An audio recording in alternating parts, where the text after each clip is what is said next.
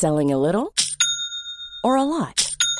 Shopify helps you do your thing however you cha-ching. Shopify is the global commerce platform that helps you sell at every stage of your business. From the launch your online shop stage to the first real life store stage, all the way to the did we just hit a million orders stage. Shopify is there to help you grow. Shopify helps you turn browsers into buyers with the internet's best converting checkout.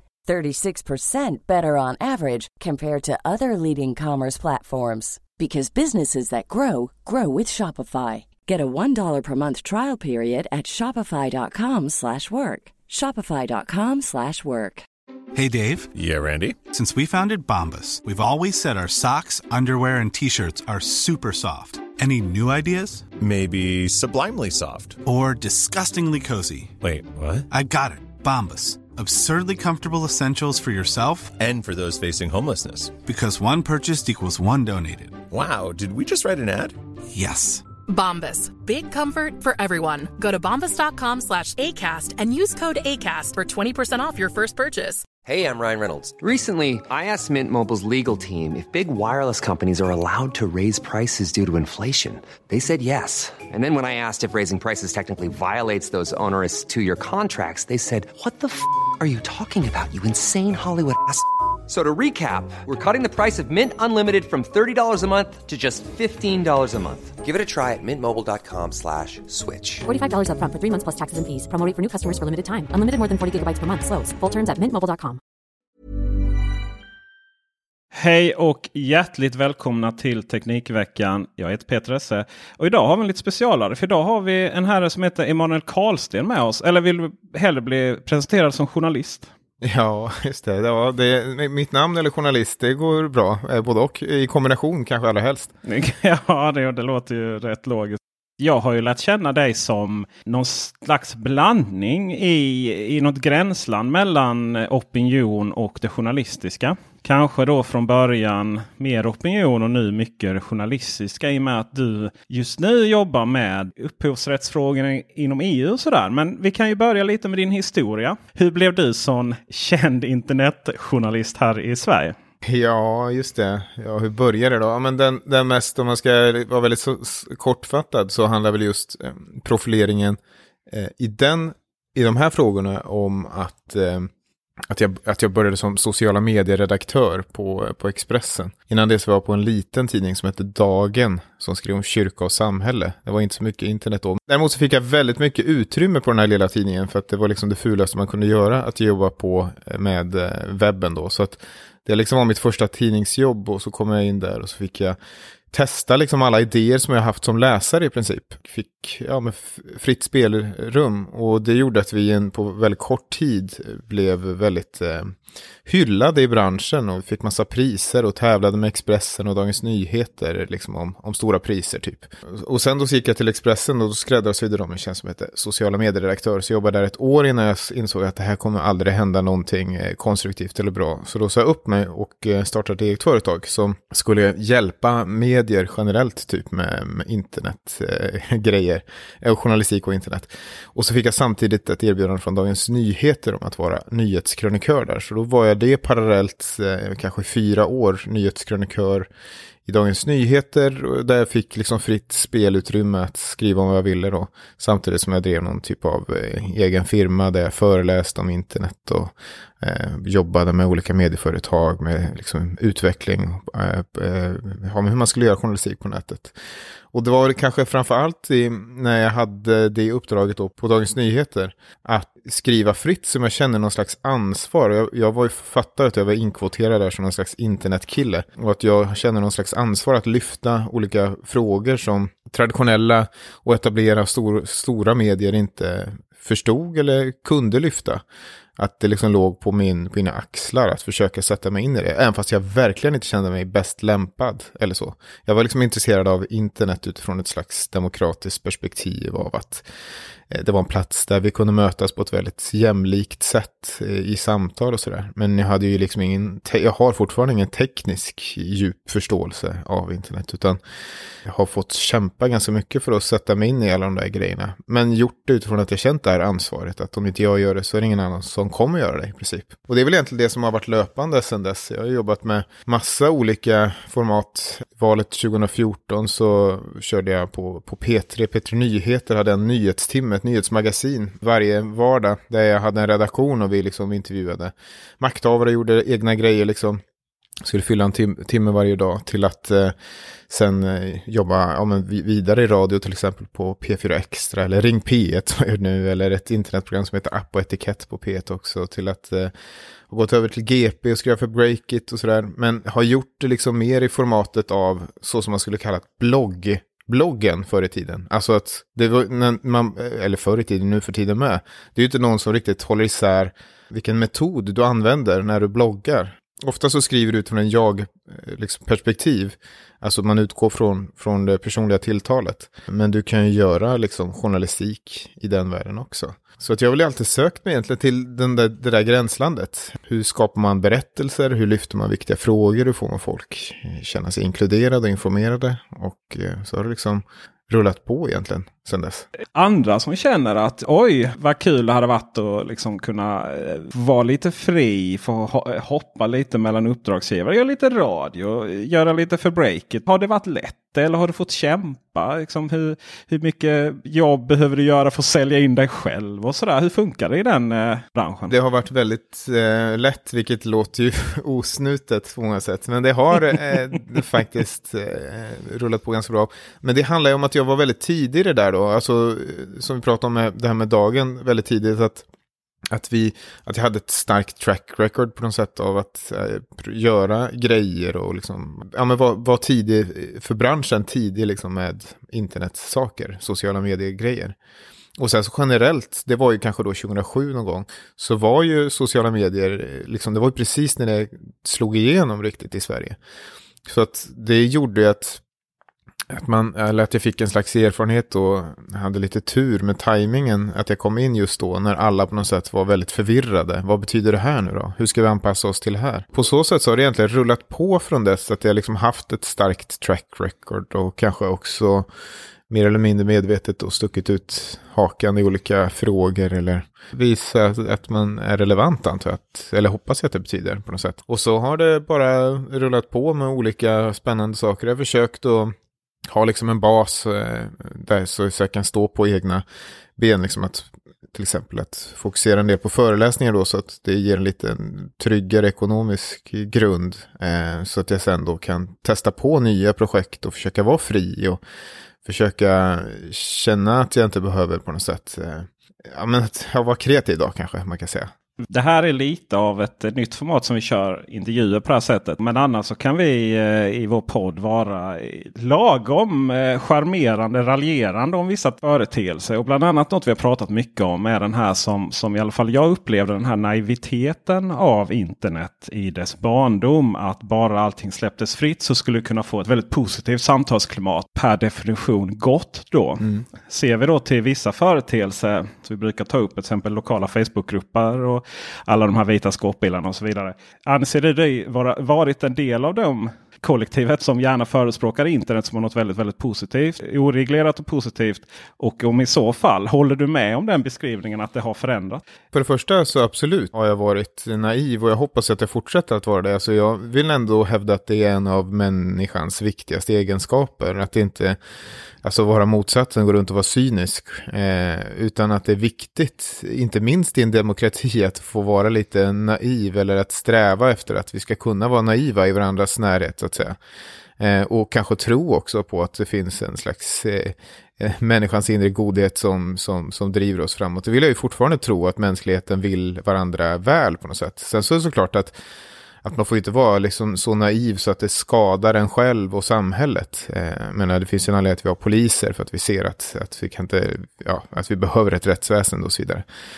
Eh, men, men jag tror att man kanske har uppfattat eh, min hållning som särskilt naiv ibland eller liksom eh, idealistisk. Eh, för, att, eh, för att jag har kanske också känt ett slags behov av att eh, väga upp den extrema eh, raljans och cynism som har funnits kring internet. Liksom, där man har pratat om det som en slags kloak i princip. Och man har eh, skapat extremt mycket distans. Och då menar man som i ett etablissemang, allt från politiker till traditionella medier, och skapat extremt mycket distans till vanliga medborgare. Eh, som man ju egentligen är beroende av.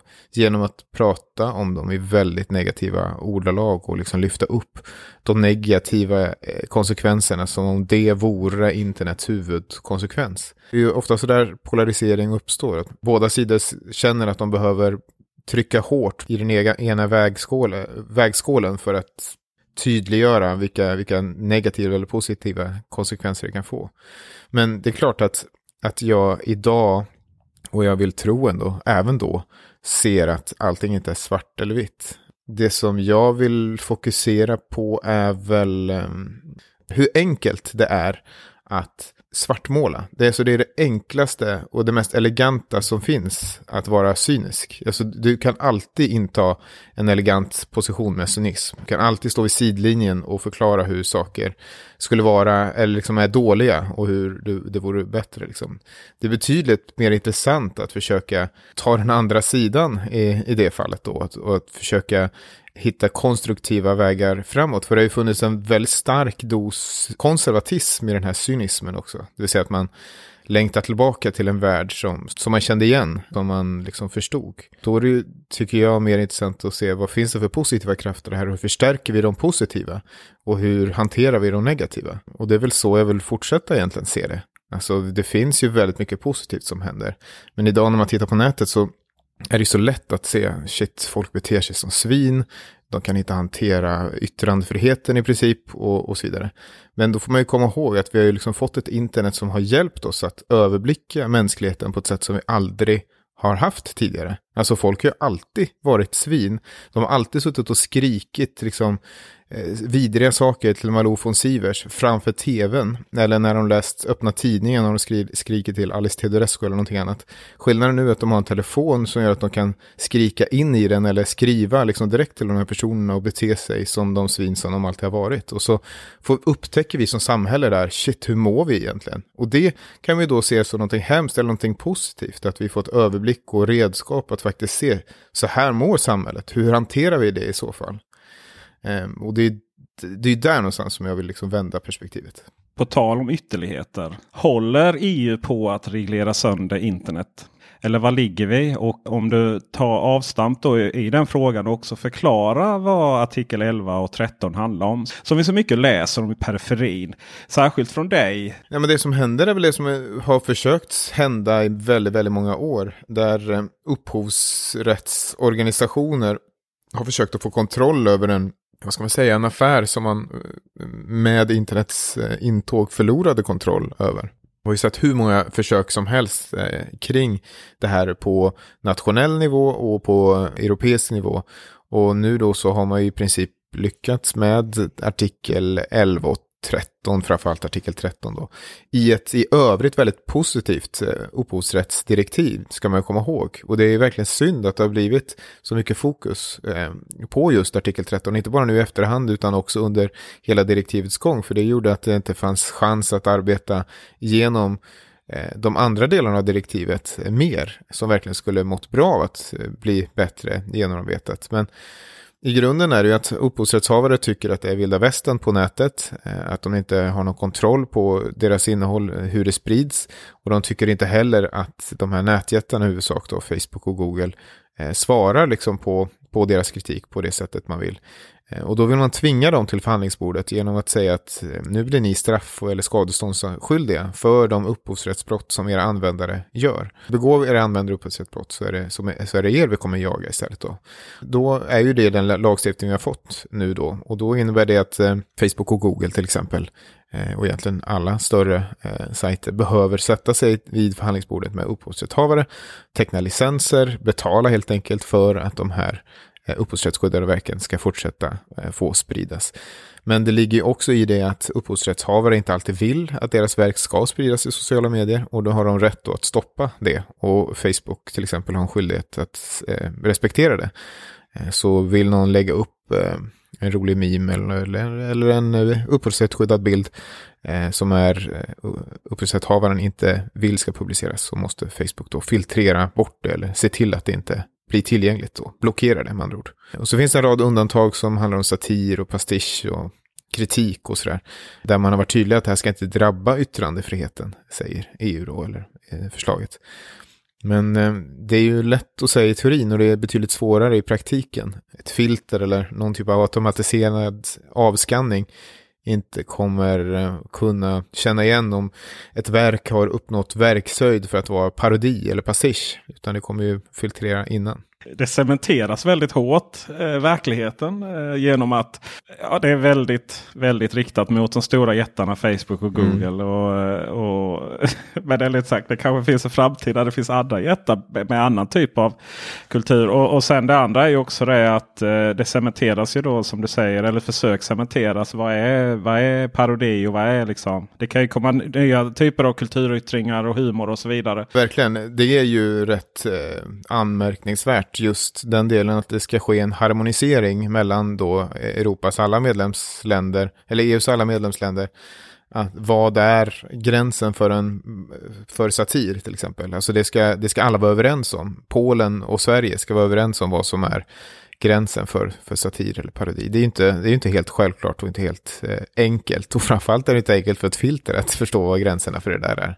Det klarar man knappt att komma överens på en arbetsplats. Nej, men precis. Förklara först innan vi går vidare. Artikel 13 handlar om... Det är internetfilter. Och artikel 11 är... Det är det som kallas länkskatt och det är egentligen den mest obegripliga delen av det. Och det är väl kanske för att det under förhandlingarna, för det ska man verkligen komma ihåg och på något sätt respekterat. Och det har ju skett enorma förändringar i de här direktiven från när de först börjades. Då var de ju betydligt hårdare. Men i länkskatten då så är det ju egentligen handlar om de här snippets då, alltså utdragen som syns eh, från en artikel då till exempel. Det är ju i huvudsak då journalistiska medier som eller egentligen är det bloggar också, men man kan säga att det handlar om medier, framförallt då journalistiska medier. Det är så, det är så den har försökt att, att tas fram i alla fall det är att eh, när de hamnar i till exempel ett sökresultat på Google så får man en rubrik och så får man en liten, eh, ja, ett utdrag från ingressen. Och då menar direktivet och framförallt mediehusen då, egentligen gemensamt, alla mediehusen menar här, att det är ett upphovsrättsbrott som Google ska betala för. Vill Google visa rubriker och vill de visa utdrag från ingressen så behöver de betala en licens till medier, för annars så snyltar de på journalistiken och hur ska journalistiken kunna överleva om Google håller på och snyltar på det. Man tar alltså inte hänsyn till att Google också ger ibland kanske 30% av eh, tidningens totala trafik. Utan man tar mest hänsyn då till att de snyltar. För jag tänker på vår egen del. Jag älskar ju då artikel 11. För då tänker jag att då kommer Google sluta länka till alla våra konkurrenter. Och vi på Teknikveckan vi vill inte ha några pengar. Liksom. Ja. Eh, och, och, nästa steg är ju sådär. Om man tar till exempel våra, eh, tack, liksom vår lilla värld och Teknikveckan och Feber.se och några andra. Det är ju väldigt mycket rewrites. Alltså vi, vi, vi översätter ju egentligen. Med en stor del av verksamheten är att översätta utländska nyheter. Mm. Översätta och förklara dem och sen så länka. Liksom. Är vi Behöver vi också söka licensavtal eller vad? Det beror på eh, hur mycket ni visar de länkarna. Till exempel om man gör en länk i Wordpress till en annan Wordpress-blogg. Då, då skapas det automatiskt en sån förhandsvisning av eh, rubriken och ingressen. Och den blir inte, den de kräver att du har en licens för då. Men en vanlig länk, alltså en blå länk då, en hyperlänk, den eh, den, den behöver du ingen licens för då. Så det beror ju på lite eh, hur mycket du citerar från artikeln kan man säga i, eh, i din länk då. Alltså det, det, det, det som man kan One size fits all seemed like a good idea for clothes. Nice dress. Uh, it's a t-shirt. Until you tried it on. Same goes for your healthcare. That's why United Healthcare offers a variety of flexible, budget friendly coverage for medical, vision, dental, and more. So, whether you're between jobs, coming off a parent's plan, or even missed open enrollment, you can find the plan that fits you best. Find out more about United Healthcare coverage at uh1.com. That's uh1.com. Hiring for your small business? If you're not looking for professionals on LinkedIn, you're looking in the wrong place. That's like looking for your car keys in a fish tank. LinkedIn helps you hire professionals you can't find anywhere else, even those who aren't actively searching for a new job but might be open to the perfect role. In a given month, over 70% of LinkedIn users don't even visit other leading job sites. So start looking in the right place. With LinkedIn, you can hire professionals like a professional. Post your free job on linkedin.com slash people today.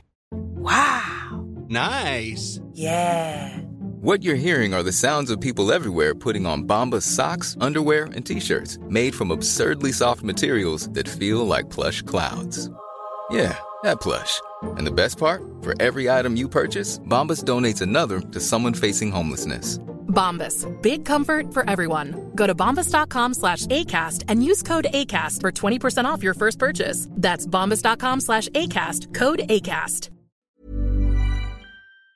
Tänka är att det är just de, det som kallas snippets, som, som eh, det här artikel 11 är ute efter. Alltså det, det som syns på Facebook när man delar en länk, eller det som syns på Google när man går in i ett organiskt sökresultat. Man kan lätt komma in på det och tycka hur det är dumt det är, för att det är så lätt att förstå. Jag kan ju till exempel, jag kan reta mig på att vi länkar ut hela tiden. Men till exempel även nya som ändå har folk som kommer från inom citationstecken gammelmedia så som dina kollegor på Breakit är ju väldigt restriktiv med länkar mm. till exempel. Här nu så Aftonbladet citerade och en, en recension av oss eh, fick bilder, använda bilder när vi hade gjort. Skrev ut Teknikveckan.com men inte länkade. Nej. Alltså man förstår ju inte konceptet av att länka känns det som överhuvudtaget. Sådär.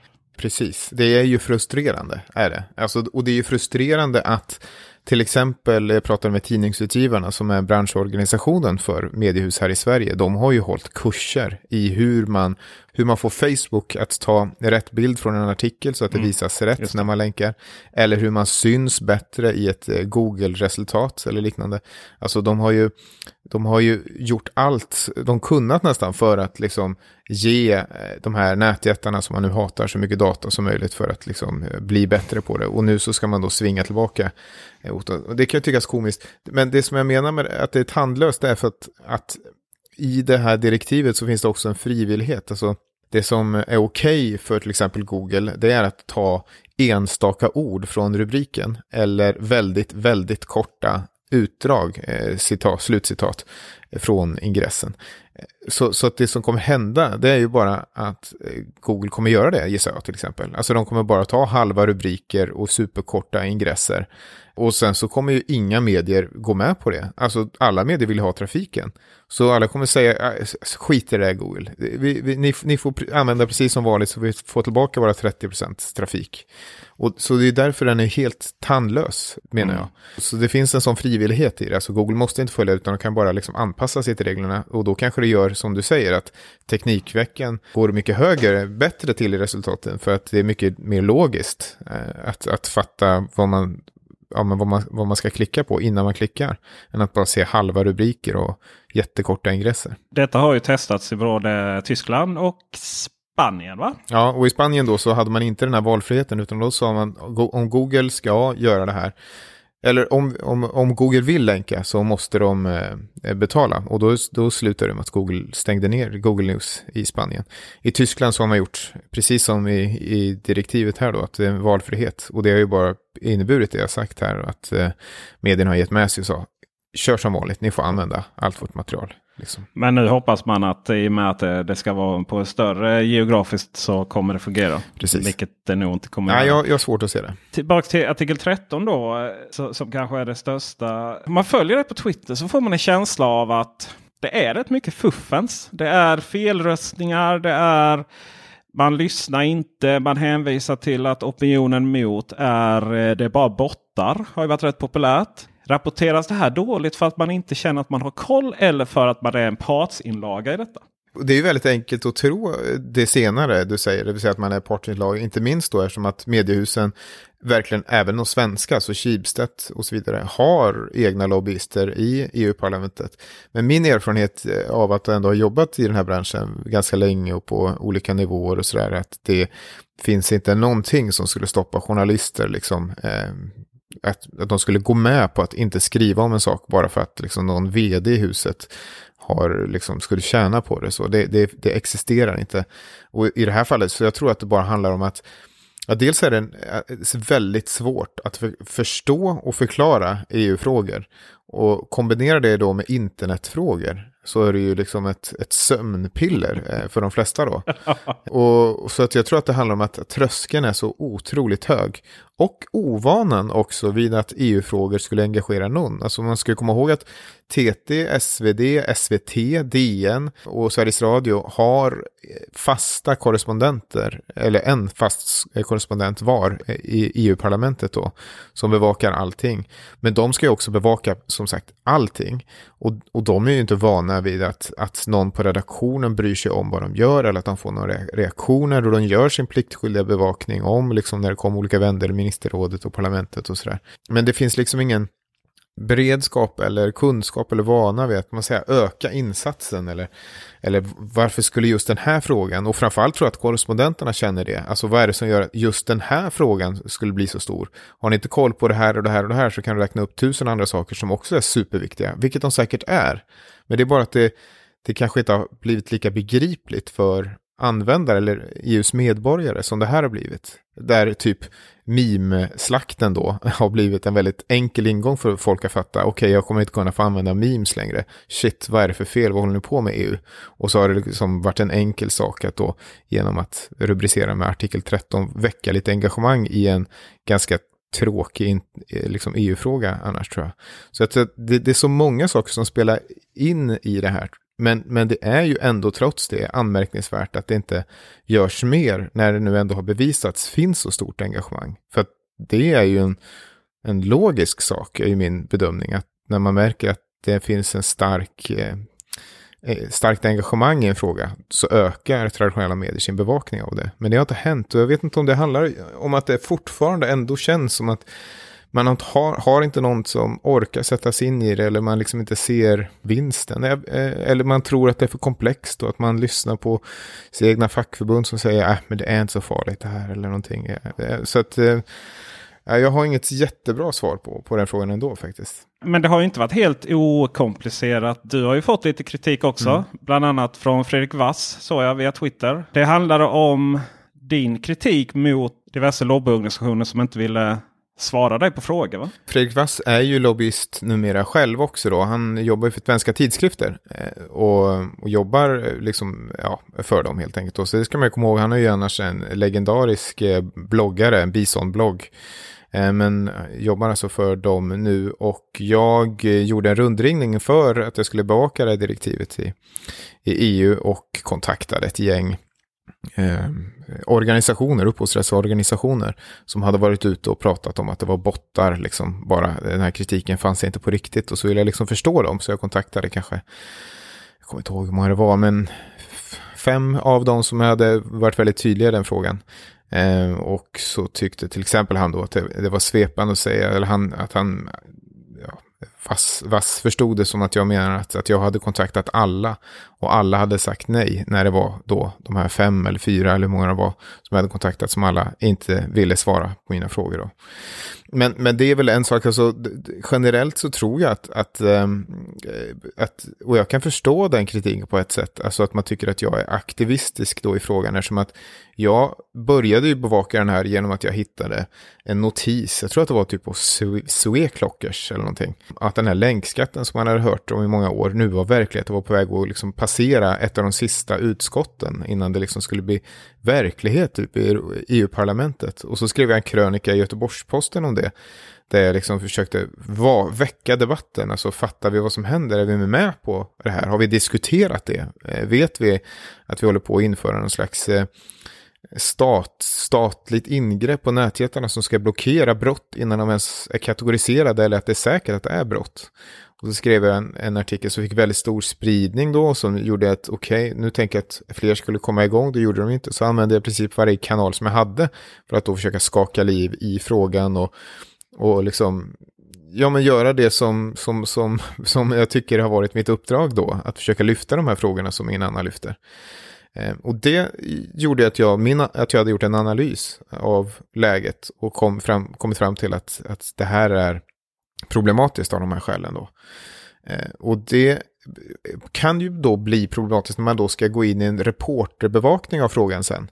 För då ju, har jag ju redan tydliggjort min hållning i frågan. Eh, och, och, man kan ju då tycka att jag är partisk, eller part i målet. Men för mig själv så är det ju som att jag har gjort ett journalist, alltså mitt främsta metod är, ska man säga, krönikemetoden. Det vill säga att jag försöker eh, göra någonting begripligt och försöka koka ner de olika argumenten till att det här är en slutsats, det här är min slutsats, så här tycker jag man ska förstå det.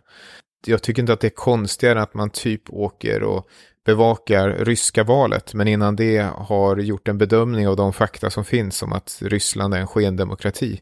Man kan ju ändå åka dit och bevaka valet och göra det på ett journalistiskt sätt och vara öppen för nyanser eller vara öppen för att förstå mer eller liksom försöka intervjua olika sidor och sådär. Det diskriminerar ju inte, eller diskvalificerar ju inte eh, någonting från att vara journalistik. Det blir inte aktivism bara för att man har, har kommit till en slutsats, gjort en analys och kommit till en slutsats eh, Eh, av kända fakta i, innan, tycker jag. Men är inte det lite sånt samhälle vi är i nu? Att har du inte så mycket så är det alltid eh, beskylls man alltid från att vara så att säga en partsinlaga. Ett ord jag använde innan själv då. Jag eh, tänker liksom att eh, journalistik är ju aldrig opartiskt. Det var det första jag lärde mig när jag pluggade journalistik. Men det, det är ju skillnad från att uh, ha gjort en värdering så som du säger. Vad som någonstans är rätt och fel. Och, och att faktiskt vara ja, lobbyist. Ja, men precis. Nej, men jag tror att det, vi, vi, eh, vi är på väg in i det där också. Alltså, det finns både gott och ont i det. Men jag menar det, eh, i att så att säga vilja ha en, en personligare avsändare. Alltså det ligger ju verkligen i, i tiden. I att vi, när vi kan välja av all information så behöver vi ha en väldigt stark relation till den som har en avsändare. Och det får vi lättare om vi har en om vi får någon typ av känsla kring den som, som, som är avsändare kring någonting där. Och det finns ju liksom positiva och negativa saker med det där. Men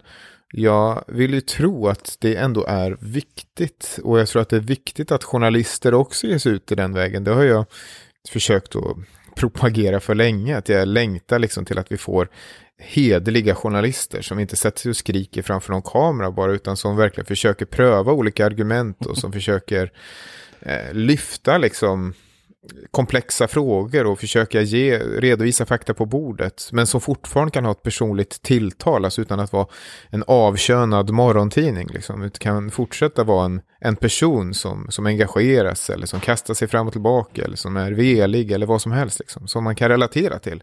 Det behöver vi tror jag. Och vi behöver många sådana. Eh, och vi behöver det ganska snabbt för att vi tappar liksom allt mer kontakt med eh, traditionella medier och därmed med journalistiken. Och det är allvarligt i samhället tror jag. Är det kört för internet? Är alla memes borta? Är, är, kommer det liksom alla kulturremixer att försvinna? Eh, det är inte kört för internet. Men internet så som det fria, det naiva internet som vi kanske drömde om i dess barndom, det, det har ju egentligen förutspåtts hela tiden att det kommer försöka regleras av de med makt som känner att de förlorar makt. Och det är väl ett första steg som vi ser här. Och det är allvarligt i sig, det vill säga att eh, staten då lägger eh, ja, men förlänger lagens arm till de här, ja, till Facebook och Google och så vidare. Och, och tvingar dem göra beslut om vad som är ett brott eller inte ett brott innan. Det riskerar att få väldigt allvarliga eh, följder. Och det är en reglering av internet som vi tror att vi bara har sett början på. Vi är redan eh, på väg att klubba igenom en ny terrorlagstiftning i EU som bygger på att eh, de här, eh, det ansvaret eller vad man ska säga filtret eh, ska användas för att också kategorisera vad som är eh, terroristpropaganda till exempel. Och det är inte, om det är svårt med satir så kan du tänka hur svårt det är med terroristpropaganda. Och det, det är en farlig väg att vandra och framför allt så tror jag att vi behöver diskutera och förstå vad det är vi, vi röstar om eller liksom är på väg att och, och lagstifta om. Eh, och därför så behövs det den här typen av samtal, det behövs liksom debatt och journalistik inte minst kring de här frågorna. Det är ju inte riktigt genomröstat ännu. Och det pratas just nu om att svensk opposition är ganska så sura på regeringen. Eh, vad, vad händer nu? Vad är det nästa steg som händer? Det som händer nu är egentligen bara ett och det ska ju vara bara ett formellt steg. Och det ska vara att ministerrådet antar det som medlemsländerna har, redan har kommit överens om. Men eftersom att det har varit så våldsamt stark opinion mot det här så har det framförallt i Sverige då som där alla riksdagsledamöter har varit emot det här i princip utom tre Eh, så kommer det nu då vältas. Eh, så Sveriges eh, hållning i ministerrådet kommer byta fot. Men det kommer inte betyda så mycket för Sverige är så litet EU. Det som skulle betyda och enda anledningen att någonting skulle hända i frågan det är om Tyskland skulle byta fot. Och där är det en extremt stark press på Socialdemokraterna i Tyskland då att, att göra just det. Eh, och de försöker hitta olika vägar fram här. Eh, men kommer, tror jag, eh, vika sig eh, till slut eh, för kristdemokratiska regeringen eh, och rösta så som eh, de vill. Så jag tror att det är väldigt eh, det är en väldigt liten chans, men det är ändå en chans. Så på måndag så ska ministerrådet träffas eh, och då vet vi. Vi kommer fortsätta med de här intervjuerna. Eh, så att vi kommer såklart att bjuda in dig igen. Mm. Hur följer man dig? Du har, finns på många plattformar. Ja, så att kör hela batteriet här nu för de som vill veta mer. Ja, man kan söka på Emanuel Karlsten. Men om man vill stötta den här journalistiken och att den inte ska hamna bakom någon betalvägg på någon tidning. För att jag skriver fortfarande där. då gör man det genom en Patreon-sida som jag har. Då söker man på Emanuel Karlsten där. Eh, så får man jättegärna vara med med en dollar eller mer såklart eh, i månaden så kommer jag fortsätta att rapportera och bevaka den här frågan och flera liknande frågor. Vi pratar om terrorfilter som var på gång och så vidare. Eh, Fortsätt. Men annars så är jag på alla sociala plattformar och då heter jag Emanuel Karlsten. Och våra kanaler känner ni ju såklart till. Vi har Teknikveckan.com. Vi har vårt nya forum bubblan.teknikveckan.com och vi finns på Youtube, vi finns på Instagram och vi finns på Facebook. Så ha det bra så hörs vi igen om en vecka.